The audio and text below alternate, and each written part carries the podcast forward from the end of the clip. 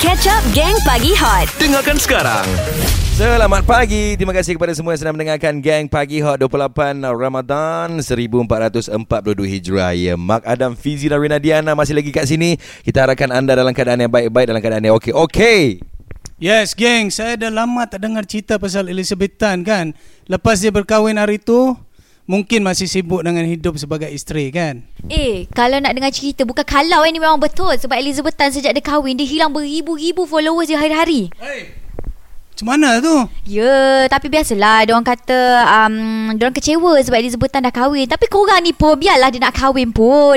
Lagipun dia cakap dia bukannya duduk sembumbung dengan mak dia. Eh, dia sorry, sorry dengan suami dia. Sebab uh, suami dia tak bersedia nak tinggalkan mak dia, manakala Elizabeth Tan pun tak bersedia nak tinggalkan mak dia. So dia orang tinggal berasingan. Ah, kau dengar tu Rina. Elizabeth Tan pun follower dia hilang beribu-ribu. kau belum apa dah hilang. Bagi saya kan kalau uh, followers tak ikut atau ikut, tak apalah. Kan kita tak boleh paksa orang. Nanti kita pula yang stres kan.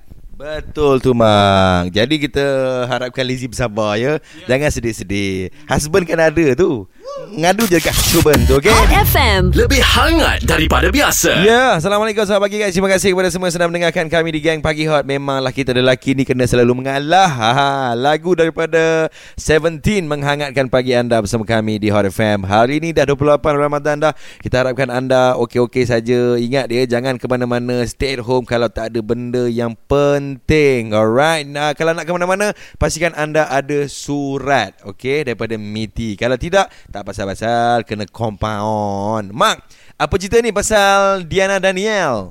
Okey geng, ni kita ada cerita tentang Diana Daniel.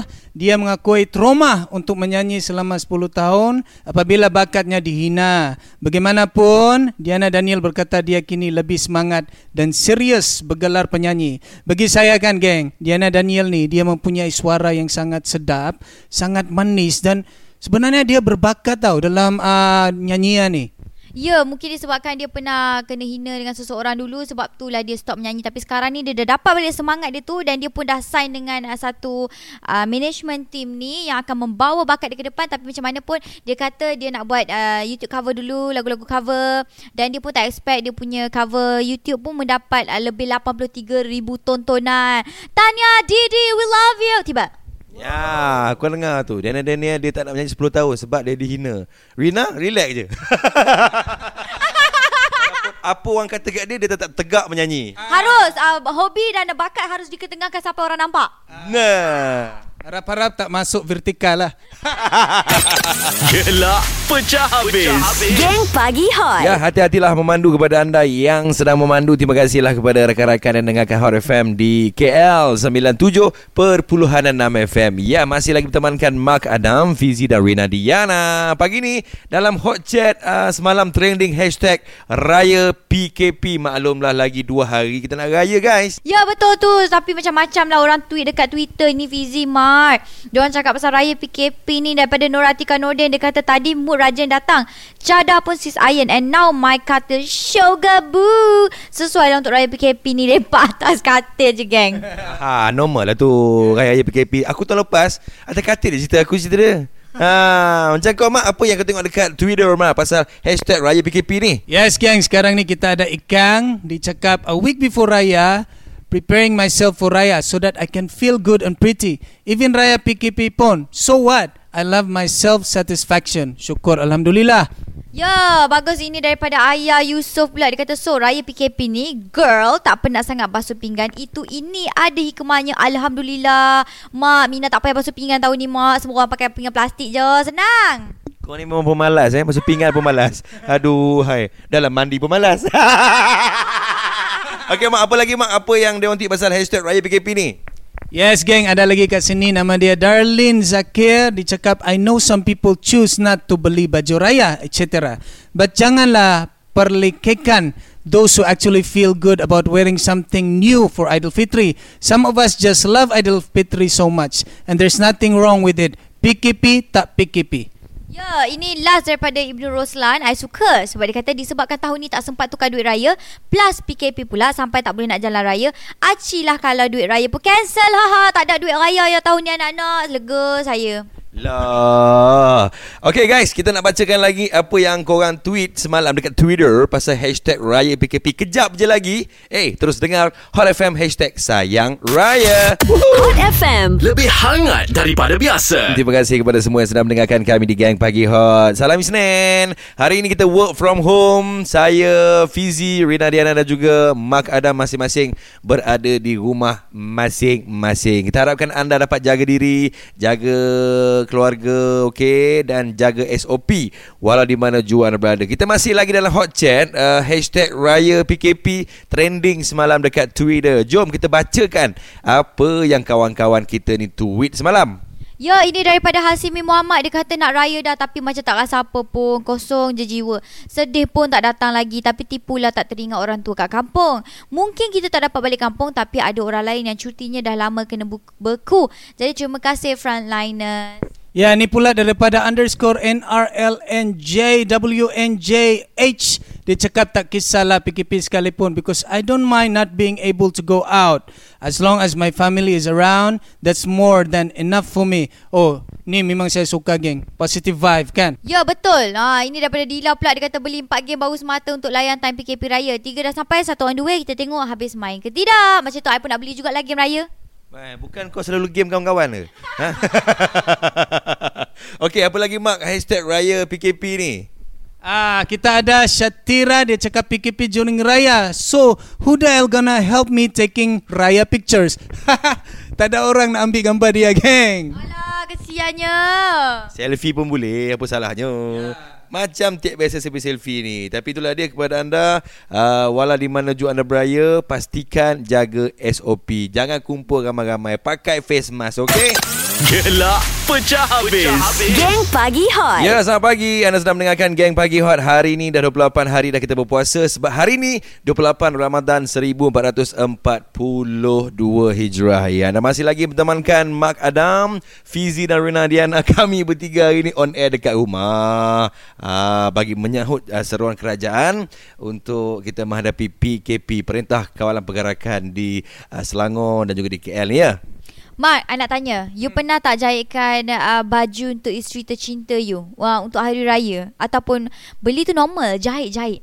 Uh, tak pernah Rina Tapi sepanjang PKP ni Saya belajar memasak Dan juga banyaklah yang uh, Apa ni kerja-kerja ru- rumah yang kita buat Sebab kita tak boleh Bagi semua kat isteri kan Tapi jahit ni memang penting lah Sebab kalau kita stay at home tak perlulah beli baju kat luar kalau kita boleh jahit baju untuk isteri, untuk kita kan? Ya betul. Sekarang ni I ada satu cerita Yang memang lelaki ni Memang dia multi talented Dia lelaki Ya Dia uh, boleh menjahit. Ya Ya Ya betul! Alamak. ha. Ya betul. Dia dah kahwin dengan isteri dia Dah 3 tahun. Lepas tu Dia dah Ni pun masuk tahun ketiga Dia jahit baju Untuk isteri dia. Dan korang jangan terkejut. Sebab baju raya dia Yang dia jahit untuk isteri dia 30 pasang Oh. Banyak gila 30 pasang.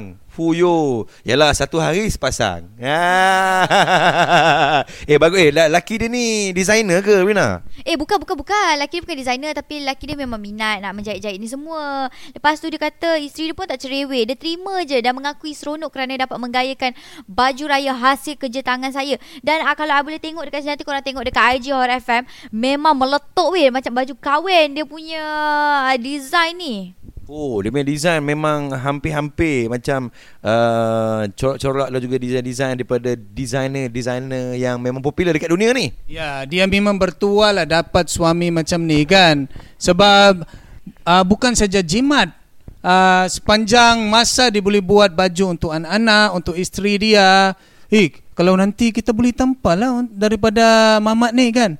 Eh betul juga. Kok-kok tahun depan ah, Kita boleh tempah dekat dia Kita call dia. Ah, Lepas tu kita cakap Tolong buatkan. Tapi 30 pasang baju raya ni pun Dia dah siapkan ah, Untuk isteri dia 6 bulan sebelum syawal tau Ah, so senang. Isteri dia pun tak nak pening kepala. Ini pun dia kata Ini kerana saya ada hasilkan baju Untuk dipakai isteri ke majlis kenduri Dan lain-lain lagi. Dia kata itulah cara saya menghargai Dan memberi kegembiraan Buat isteri Dan syawal tetap perlu diraikan Walaupun dalam tempoh pandemik COVID-19 So 30 baju uh, baju raya Untuk 30 hari Sebulan merayasakan dengan baju-baju tu Oi. Alhamdulillah Itulah kita gunakan kelebihan Di tempat yang betul Okay Hot FM. Lebih hangat daripada biasa Terima kasih kepada semua yang sedang mendengarkan Gang Pagi Hot 105.1 FM di Kota Baru Kelantan. Terima kasih lah siap Kelantan kita. Weh lah rindunya nak klik Kelantan tapi nak buat guano.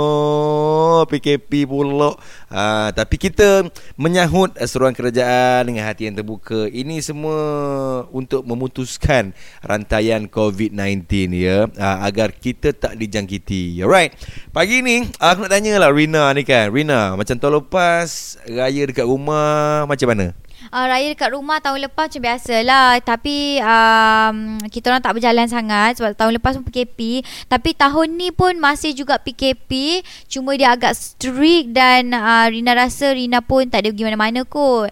Cuma tadi dah ada call dan nenek saya semalam Cakap mak Masak ke mak? Lepas tu nenek apa macam Mina Pasar dah tutup Semua tutup. Mak tak sempat nak beli barang sangat pun. So kita masak lebih-lebih sikit-sikit je lah. Tak payahlah lagi pun. Tak ada siapa pun nak datang. So I pun baju raya I pun sejujurnya I tak ambil lagi. Tahu-tahu dah tutup dah mall. Ha, so kemungkinan I pakai je baju raya tahun-tahun lepas. Yang I nak rotate sebab yelah tak ada gimana pun. Walaupun sedikit sedih. Mark, baju raya you ada tak? Ah, tak apalah. You jawab kejap lagi okay? Bagi I je cerita dulu. Ah, So tu je lah cerita dia. Ha, Memang sedih lah. So nenek I pun sebenarnya semalam Dia call I Dia kata Mak nak pergi mall nak ni. So bila I bagi duit Mak kata Mall pun tutup Semua tutup So I cakap Yelah mak sekarang ni hotspot memang tutup. So selama 3 hari. So I cakap mak sabar sikit mak. Jangan sedih-sedih. Nasib baik nenek I ada kat rumah. So tak payah balik kampung. So asalkan nenek I dah ada kat rumah My mom, my parents ada kat rumah Dah lega dah hati I. So itu pun kira rezeki jugalah. Ha, Macam mana tu Fizi? Ah itulah dia panjang lebar cerita Serena ni. Okey guys, pagi ni kami nak tanya semua pendengar-pendengar Hot FM ni. Maklumlah ini tahun mungkin tahun yang kedua lah kita raya sendiri kan. Macam saya sendiri pun uh, ini tahun yang kedua saya raya sendiri, raya ke rumah sendiri guys. Uh, Uh, dalam PKP. Ah dalam PKP ni kan. Okey, kita nak tanya anda, uh, raya sendiri ni apa persiapan anda di rumah ni? Apa yang anda buat? Mungkin dah tukar langsir baru, tukar sofa baru ataupun yang pakai yang lama je, pakai yang sama je. Kongsikan dengan kami di nombor WhatsApp 017 302 8822. Hantarkan komen-komen anda dekat situ guys. Gelak pecah habis, Gang Pagi Hot. Lebih hangat daripada biasa Gang Pagi Hot di Hot FM Terima kasihlah kepada anda yang mendengarkan Hot FM Seluruh Malaysia Seluruh dunia Jangan lupa tekan button subscribe ya Untuk anda yang mendengarkan Hot FM dekat YouTube tu Pagi ni kami nak tanya anda PKP ni Ini uh, adalah uh, raya PKP yang kedua Kan Dua tahun kita beraya Time PKP Jadi apa persiapan raya Di rumah anda ni ha, Nak tanya Mark Adam Seorang yang sangat rajin Mengemas rumah Mark Apa yang kau uh, Prepare tahun ni Mark Yes, okay. Uh, cerita saya ni lain daripada Rina lah, Fizi kan. Rina tak boleh jalan kan masa raya sebelum ni dan juga uh, tahun ni. Saya, isteri dengan mak mertua kita berjalan-jalan lah. Tapi di dalam rumah lah. Ke dapur, ke ruang tamu, ruang tamu ke dapur. So, janji berjalan-jalan. Okey, okey, uh, serius saya cakap. Kita punya persiapan dari dulu lagi. Kita selalu bersiap dulu untuk orang-orang lain, untuk uh, saudara-saudara kita dalam keluarga kita ni sebab keluarga kita besar. Kita first yang paling pertama mak dan ayah kita siapkan dulu lepas tu kita punya apa ni kasin-kasin dan juga anak-anak buah. Lepas semua tu barulah kita bersiap untuk diri sendiri. Kadang-kadang geng kita terlambat tau. So tak ada masalah kita boleh pakai pakaian daripada tahun lepas. Tapi tahun lepas dan tahun ni memang berbeza lah. Sebab kita tak banyak tak boleh keluar kan. Tapi semuanya pun untuk keselamatan. So kita kena ikut saja peraturan kerajaan untuk keselamatan kita semualah. Ah, aku tadi yang tertariknya bila mak cerita kosen-kosen. Konsen-konsen tu korang jangan salah faham. Dia kata sepupu-sepupu dia. Ah, Bukan apa-apalah. Bukan 10 sen Bukan apa. Memang konsen-konsen tu Is dia punya sepupu-sepupu. Baguslah you ni mak. Pakcik yang baik Family yang baik. Kalau you nak tahu I pun tak ada baju raya tahun ni. Ah, Boleh tak anda jadi konsen you juga? Kasen bukan kosen. Boleh Rina anytime. For Rina tak ada masalah. Rina je aku macam mana? Boleh Fizi, boleh boleh. Boleh uh, pakai baju tahun selepas saya. Kau selepas saya. Aduh. ah, Apa maksudnya itu Saya pun tak faham. Okay guys, apakah preparation anda untuk Raya PKP tahun ini? Kongsikan dengan kami di nombor WhatsApp 0173028822. Hot FM. Lebih hangat daripada biasa. Ya, tak tahu guys. Terima kasih kepada anda sedang mendengarkan kami di Gang Pagi Hot. Jangan tak tahu anda sedang mendengarkan Hot FM dan kami sekarang ni tengah berkeudara dekat rumah masing-masing. Macam Mak, dekat mana mak rumah kau Mak? Ah, saya kat Titi Wangsa, Fizi. Rina kat mana? Segambut. Saya kat Kelang. Okey, pagi ni kita nak tanya semua pendengar-pendengar kita lah memandangkan ini tahun yang kedua kita beraya tanpa family. Kita beraya dalam uh, tempoh PKP. Saya yakin juga pasti ramai di kalangan kita ni yang tak dapat balik kampung. Ha, macam saya sendiri pun buka puasa pun tak dapat buka puasa dengan mak ayah di kampung. Alah, hai. So preparation tahun ni macam biasa-biasa je lah. Pakai benda-benda yang lama. Maklumlah duduk kat rumah aja. Okey, ramai juga yang komen dekat uh, kita punya WhatsApp 0173028822 pasal raya di rumah. Apa persiapan dia? Ha, mak bacakan mak satu mak. Ya, sekarang ni kita ada Afiq dicekap selalunya persiapan saya untuk raya. Saya sentiasa masak ketupat dan juga rendang kepada mak. Dan uh, maklumlah tahun ni saya boleh balik. Saya, tapi tak ada masalah dia cakap dia hanya order saja untuk mak dan ayah ketupat dan rendang. Ya, wow. Order je eh. Tak apalah. Tak apalah. Ni daripada Nini pula. Dia kata saya ni GPH. Raya ke, PKP ke, tetap raya. Dia tak kisah. Saya wajib raya. Langsir baru, sofa baru, baju baru. Ha, dan masak pun memang saya masak seperiuk kalau boleh. Macam-macam. Lepas tu kuih raya saya pun memang berjujuk kat atas meja memang penuh. Saya ni memang suka beraya sebab benda ni setahun sekali kau datang padaku. Ah, so that's why nak juga raya. Ha, suka suka suka lah ni ni ni bagus.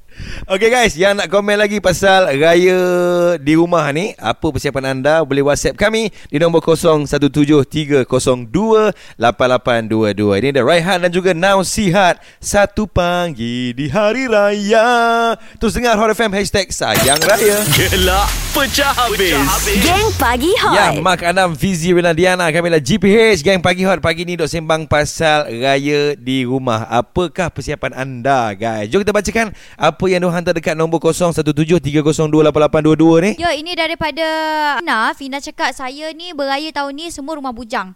Housemate semua bujang. Jadi kita orang raya sama-sama since tak boleh balik kampung. So satu orang satu resepi. So kita buat macam potluck lah. Ha, Seorang ni buat kuih, seorang ni buat rendang, seorang ni buat kuah kacang, seorang buat lontong.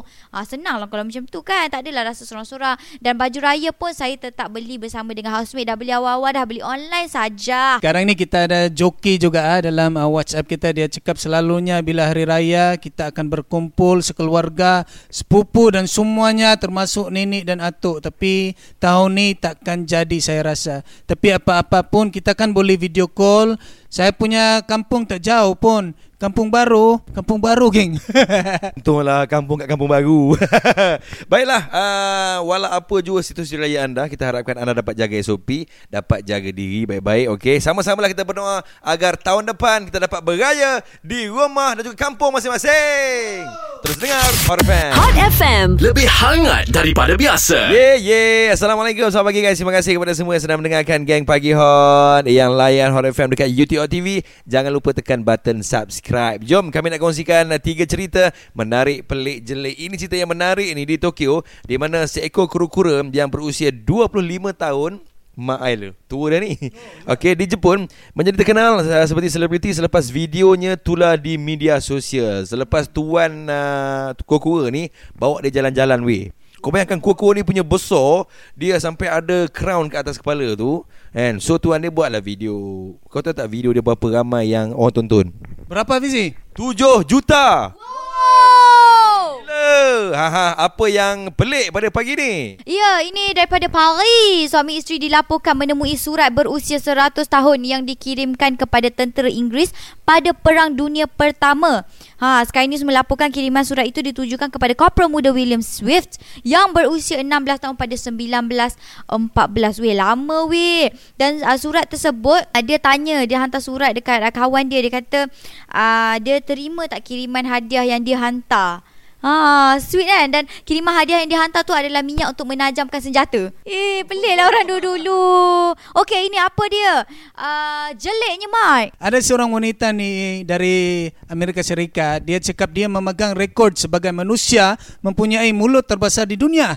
Yes geng, dia boleh masukkan sekotak french fries di mulutnya sekali jalan. Ha, sekotak french fries ha, sekali jalan masuk di mulutnya. Kalau boleh jangan uh, lupa letak uh, chili sauce lah kan. Eh, Rina, uh, paling besar awak uh, masukkan ke mulut awak apa? Saya rasa mikrofon. Geng Pagi Hot Isnin hingga Jumaat Jam 6 hingga 10 pagi Bersama Mark Adam, Fizi dan Rina Diana Hot FM, lebih hangat daripada biasa.